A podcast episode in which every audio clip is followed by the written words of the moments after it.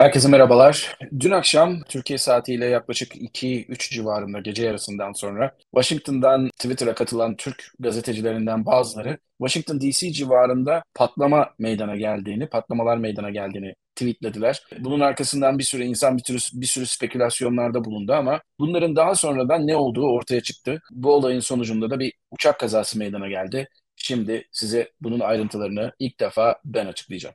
Ladies and gentlemen, welcome aboard. Your Kaptan Bahar.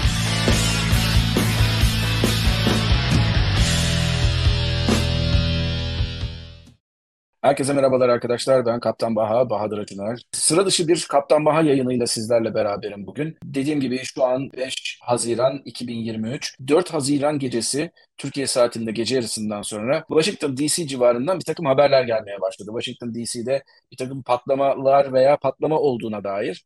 Bunun daha sonradan ne olduğu ortaya çıktı. Gerçi Twitter öyle bir ortam ki insanlar orada bir sürü spekülasyonlar yaptılar. İşte Ruslar mı acaba saldırdı diyenler oldu. İşte Amerika'nın Ukrayna'da yaptıklarının cezasını şimdi de Amerika kendi topraklarında çekecek diyenler oldu. Vesaire vesaire vesaire. Bu türden bir sürü şey oldu. Ama bizi niye ilgilendiriyor bu patlama veya patlamalar? Ki aslında bir tane patlama var. O da aslında patlama değil. Havacılıkla çok alakası olduğu için bir olayın. Şimdi Washington DC ilginç bir yer. Washington DC'nin civarında bir sürü ufak havaalanı var. Bunlardan bazıları gerçekten de Beyaz Saray'a ve Washington DC'deki diğer önemli stratejik noktalara çok yakın yerdeler. Bunlardan bir tanesi Washington DC National Havaalanı. Ben size bir keresinde oradan canlı yayında yapmıştım hatta. Pentagon'un neredeyse dizinin dibinde olan bir havaalanı ki ben zamanında oradan based olarak da uçan bir pilotum.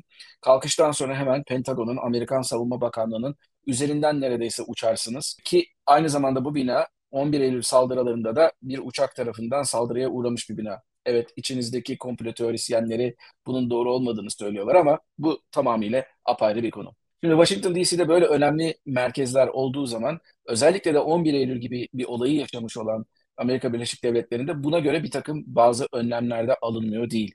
Bunlardan bazıları da eğer bir uçak havadayken herhangi bir şekilde cevap vermiyorsa hava trafik konuşmalarına o zaman bunun karşılığında değişik hava üslerinden ki Washington DC'nin hemen kuzeyinde de Andrews Air Force Base var. Burada başkanın uçağı ve başkanın helikopterleri tutuluyor zaten. Burada olan F-16'lardan iki tanesi havalanıyor. iki tane New Jersey'den F-16 havalanıyor.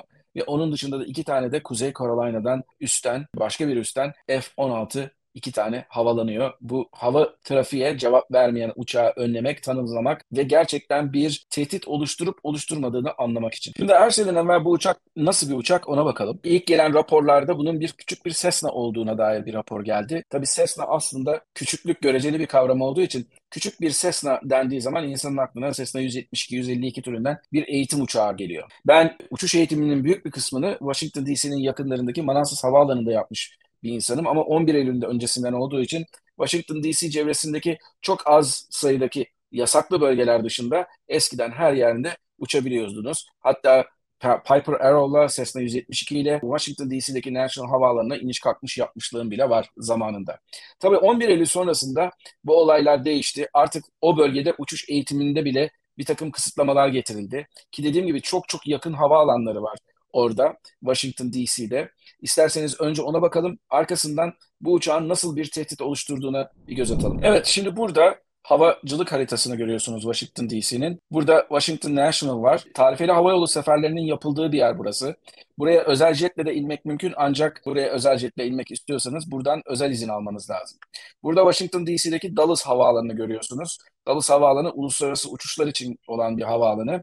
Ama işte size söylemiştim ya burası çok yasaklı bir bölge değildir diye. Şurada P-56 vardır. Burası da Kapitol'un yani hem Beyaz Saray'ın hem de Senato'nun binalarının olduğu yerdir. Buraların üzerinde uçmak P olduğu için prohibited yani yasaklı hava sahalarıdır. Şimdi burada önemli bir şey var. Dediğim gibi burada çok yakın mesafelerde bir sürü havaalanı var demiştim size. Şurada gördüğünüz iki tane paralel pist. Şurada hemen DC'nin hemen paralelinde olan Andrews Air Force Base. Dediğim gibi burada hem başkanın uçağı ve helikopterleri hem de aynı zamanda hem de F-16'ların merkezi var. Burada Potomac Field ve Washington High çok ufak genel havacılık meydanlarıdır. Hatta 11 Eylül'den sonra buradan uçakların kalkmasına belli bir süre için izin verilmedi. Ama dediğim gibi çok çok yakın bir mesafededir. Bu bayağı böyle zoomlamış bir halinde görüyorsunuz bunu. Burada da Davison Army Field var. Burası bir havacıların üssüdür. Burada da bir takım helikopterler vesaire vardır. Pentagon da şurada E ile gösterilen yerde bir heliport olduğu için Pentagon'un heliportu. Şimdi buna bir de isterseniz Google Maps'ten bakalım. Bakın şurada Washington National. Hemen şurada Pentagon var. Gördüğünüz gibi beşgen bir bina. Onun dışında diğer anlattığım yerlerde bakın burası White House, Beyaz Saray, burası Senato binası. Gördüğünüz gibi aslında havaalanına da çok yakın yerler bunlar. Andrews Air Force Base burada ve diğer anlattığım küçük meydanlarda bunun hemen yakınlarında ama o kadar böyle artık şeylerin arasına sıkışmış durumda ki mahallelerin arasında ki çok zor görülüyorlar. Burası Potomac Airfield, burası da Hyde Air Park'tır. Bunlar ikisi de birbirine çok yakın iki tane genel havacılık meydanıdır. Dolayısıyla burada uçak etkinlikleri var tabii ki her zaman olduğu gibi. Ve size de biraz daha yakından göstereyim. Şurada da Washington National Havaalanı var. Yani aslında bu arada Türkçe yazdığı için Washington'ı Türkçe olarak yazılmış. Özel yer isimleri aslında Türkçe'de doğru yazılır. Benim de uçuş eğitimini zamanında aldığım meydanda şurada Manassas Regional Airport. Yani bunlar aslında birbirine çok çok yakın havaalanları. Şimdi burayı göze aldığınız zaman bu uçağın rotasına bakmadan evvel size bir şey daha göstereceğim. Şurada kırmızıyla gösterilen bir yer var. Burası TFR. TFR'ın açılımı Temporary Flight Restriction.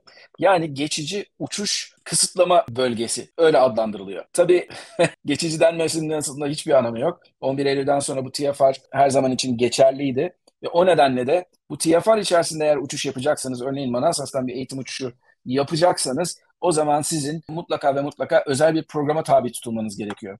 Burada bakın hemen Washington Dallas'ın hemen kuzeybatısında Leesburg Havaalanı var. Orası da çok yoğun genel havacılık faaliyetlerinin olduğu bir yer. Şimdi buradan artık eskisi gibi dediğim gibi uçuş yapmak çok mümkün değil. Burada bir sürü Washington DC civarında özellikle helikopter trafiği çok vardır. Bunun da nedeni işte değişik devlet erkanlarını taşımak amacıyla veya değişik binalar arasında gidiş gelişi sağlamak amacıyla devlet binaları arasında çok fazla helikopter trafiği vardır. Şurada College Park var. Başka bir genel havacılık meydanı. Dolayısıyla burası aslında havacılık açısından çok daha yoğun bir yer. Tahmin ettiğinizden de çok daha yoğun bir yer. Ama şöyle bir şey söz konusu. Burada yapılan uçuşların dediğim gibi şu kırmızı hat içerisine girdiğiniz zaman özellikle de bu kırmızı hatta tehdit olacak şekilde siz eğer bir takım bir yerlerden geliyorsanız bu o zamanlarda işte bir takım alarmlar ortaya çıkıyor. Şimdi gelin bu uçuşa bakalım. Bu uçuş Tri-Cities denilen e, şuradaki meydandan kalkıyor. Tri-Cities denmesinin sebebi, e, Tri-State Airport denmesinin sebebi üç tane eyaletin West Virginia, Tennessee ve ikisinin arasına sıkışmış bir şehir olduğu için hani üç tane eyaletin birden neredeyse aynı anda aynı şekilde ufak bir şehirde bulunması gibi. Buradan ufak bir meydandan kalkıyor ve ufak bir uçak dedikleri ses de aslında bir iş yeti. Bu uçak buradan sorunsuz olarak kalkıyor. Şunu geleyim göstereyim size ve başlayalım. 5.15 civarlarında. Daha doğrusu aslında Türkiye saatiyle de bayağı erken bir saatteymiş. O kadar geç bir saatte değilmiş çünkü UTC olarak vermiş saati. Dolayısıyla Türkiye saatiyle 8, 8.30, 9 gibi meydana geliyor bu olay. Evet, gördüğünüz gibi 34 bin fitte devam ediyor bu uçak. Virginia'nın kuzeyinden tam Washington DC ile Richmond arasındaki bir noktadan geliyor. Ve New York'ta Islip havaalanına inecek bu uçak. Şimdi New York'a gelirken genellikle aslında bu kadar doğru bir hat bile uçmazsınız. Daha çok böyle daha böyle bir doğuya gelirsiniz. Ondan sonra sizi alırlar, New York'a doğru döndürürler. Ama son derece basit. 34 bin fitten uçak hiçbir sorun olmadan devam ediyor. Şimdi burada bir dönüş yapacak. New Jersey güney yakasına geldiği zaman New Jersey eyaletinin Evet, burada biraz daha böyle kuzeye doğru dönüyor. 050 istikametinde devam ediyor. Şimdi burada bakmamız gereken şey şu. Şimdi aslında gideceği meydan şurada Long Island Ice Slip denilen bir meydan. Ben size bunu başka bir yerde de göstereyim. İşte burada. Yani New York City'nin bayağı bir doğusunda yer alıyor. Burada JFK var. Buradaki meydan Farmingdale Republic diye geçiyor aslında. Ve şurada da Ice Slip var.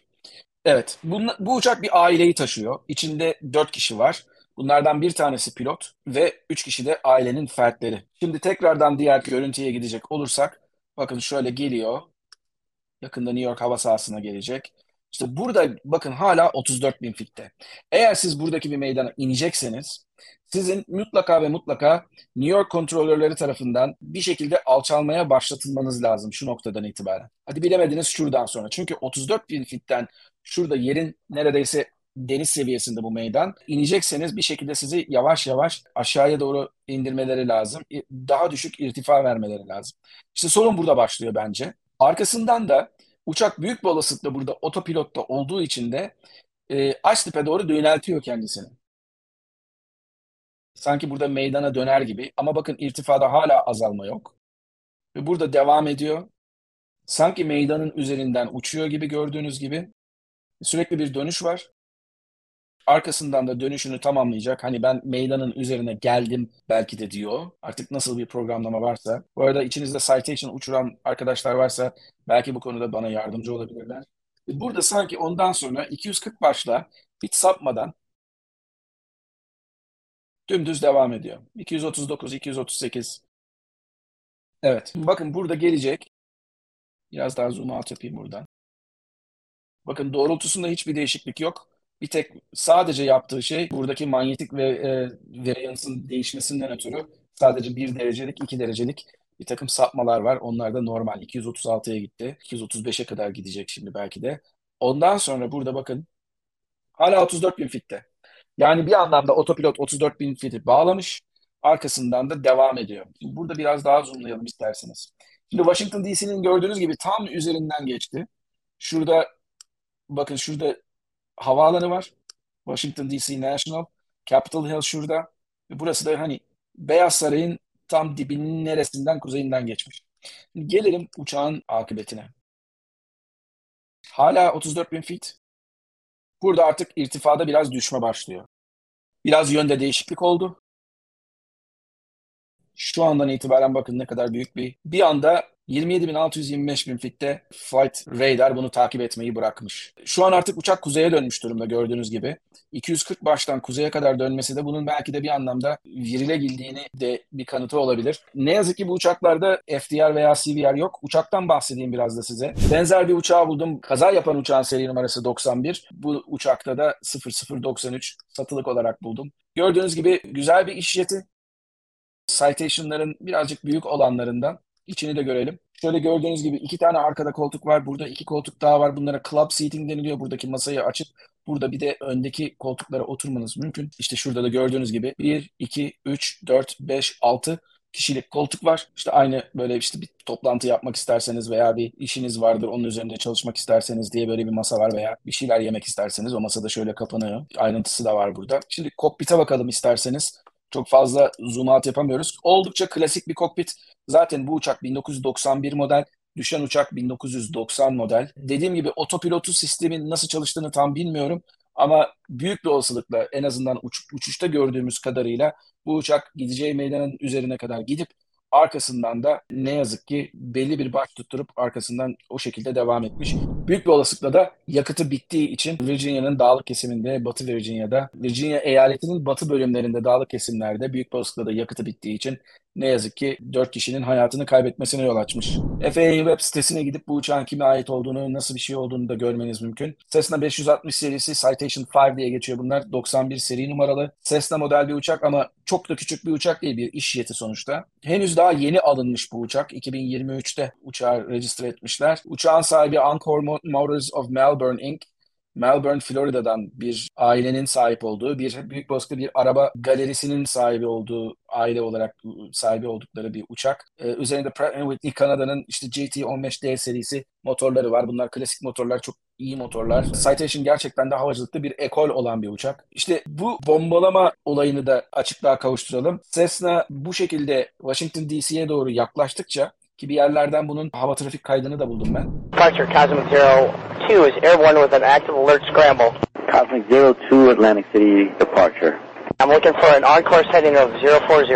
Wave 1, thanks. Your radar contact, climb and maintain uh, 17,000 and you guys direct. Evet burada Kaiser 02 New Jersey'den büyük balıklıkla kalkan bir F-16 çünkü Atlantic City Approach'la konuşuyor. Atlantic City Approach şurada New Jersey'nin güneyinden hemen oralarda bir yerlerden kalkmış olabilir. Veya kuzeyinden bir yerden kalkmış olabilir F-16. Ve belli bir başta devam etmek istediğini söylüyor. National Guard fighter on guard. If you hear this transmission, contact us on 121.5. Liftoff. Tracking 7275, this is armed air defense fighter on guard, 121.5. Burada yavaş yavaş duyduğunuz ses aslında Aircraft Squawking 7275 diyordu yanılmıyorsam squawk kodu. Yani uçağın üzerinde hava trafiği kendinizi belirtmek amacıyla kullandığınız bir koddu bu. 72-75 yanılmıyorsam kodu. Ve diyor ki eğer diyor siz bu kodu kullanıyorsanız diyor uçak siz mutlaka 121.5'ten yani acil durum frekansından benimle irtibata geçin diyor. Bu yerdeki görevli de olabilir veya e, uçan F-16'lardan bir tanesi de olabilir bu kadın sesi. Contact us immediately on this transmission. Aircraft squawking 7275, this is an armed air defense Evet, pilot kendisi This is armed air defense fighter diyor. Yani ben silahlıyım ve seninle irtibata geçmeye çalışıyorum. Büyük bir olasılıkla uçan uçağın kenarından da gelip onu bir görsel olarak da tanımlamak istemiş olabilirlerdir. Mutlaka tanımlamışlardır. Ve arkasından da bir Cessna Citation olduğunu da belirtmişlerdir diye tahmin ediyorum. Ve işte bu durumda yapmaya çalıştıkları şey uçakla bir şekilde irtibat kurmak. Şimdi tabii NTSB dün hemen bir tweet attı dedi ki biz bu olayı araştırıyoruz dedi. Ve arkasından da bakalım ön rapor ne kadar zamanda çıkacak. Çabuk çıkacaktır ama bizim şu an benim size verdiğim bilgilerden çok daha farklı bilgiler içereceğini zannetmiyorum. Asıl önemli olan bundan sonra bir sene, bir buçuk sene sonra çıkacak olan son rapor. Orada da bakalım neden raporda bu olay yaşanmış. Dediğim gibi büyük bir olasılıkla rapid depressurization olayı yani uçağında e, basınç kaybı, hızlı bir şekilde basınç kaybı ve bunun sonucunda insanların bir pilot da dahil olmak üzere insanların bilinçlerini kaybetmesi olarak spekülasyon ediyorum şu an elimdeki verilere dayanarak. Bakalım bundan sonra ne çıkacak. Son olarak bir şey daha dinlettireceğim size hava trafikten. Onu da duymanız ilginç olabilir diye düşünüyorum. spinning on 121.5. You have been intercepted. Contact me up on this transmission, 121.5. Evet, burada son yapılan bir radyo transmisyonu var. Burada da diyor ki you have been intercepted, contact me on 121.5 diyor. Yani ben sizi şu an önledim ve benimle 121.5 frekansına gelip bağlantı kur diyor. Buradan da anlıyoruz ki bir türlü ne uçaktakiler F-16'ları görebildi ki o noktadan itibaren görmemeleri mümkün değil. Çünkü uçak eğer buradaysa hem önünde bir tane F-16 olur hem de bir tane F-16 arkada hazır bekler. O şekilde önleme yapmışlardır diye tahmin ediyorum. Eğer rapid depressurization olduysa büyük bir olasılıkla camlardan buzlanma olduğu için ani bir şekilde büyük olasılıkla görememişlerdir pilotun durumunu. Tabii bunu ileride daha ileriki günlerde bu radyo konuşmaları, hava trafik konuşmaları işin içine girince daha bir anlayacağız. Şimdilik benden bu kadar. Umarım size yeterince bilgi vermişimdir. Ruslar bombalamadı Washington DC'yi. Başkaları da bir şey yapmadı. Sadece ve sadece dinledilen, insanların duyduğu bu işte önlemeyi yapan F-16'ların ses hızını geçmesi nedeniyle ortaya çıkan sonic boom'du. Bu kadar basit bir olay. Bambaşka Kaptan Baha yayınlarında görüşmek üzere. Mutlu kalın, esen kalın ama her şeyden önemlisi sağlıklı kalın. Hoşçakalın.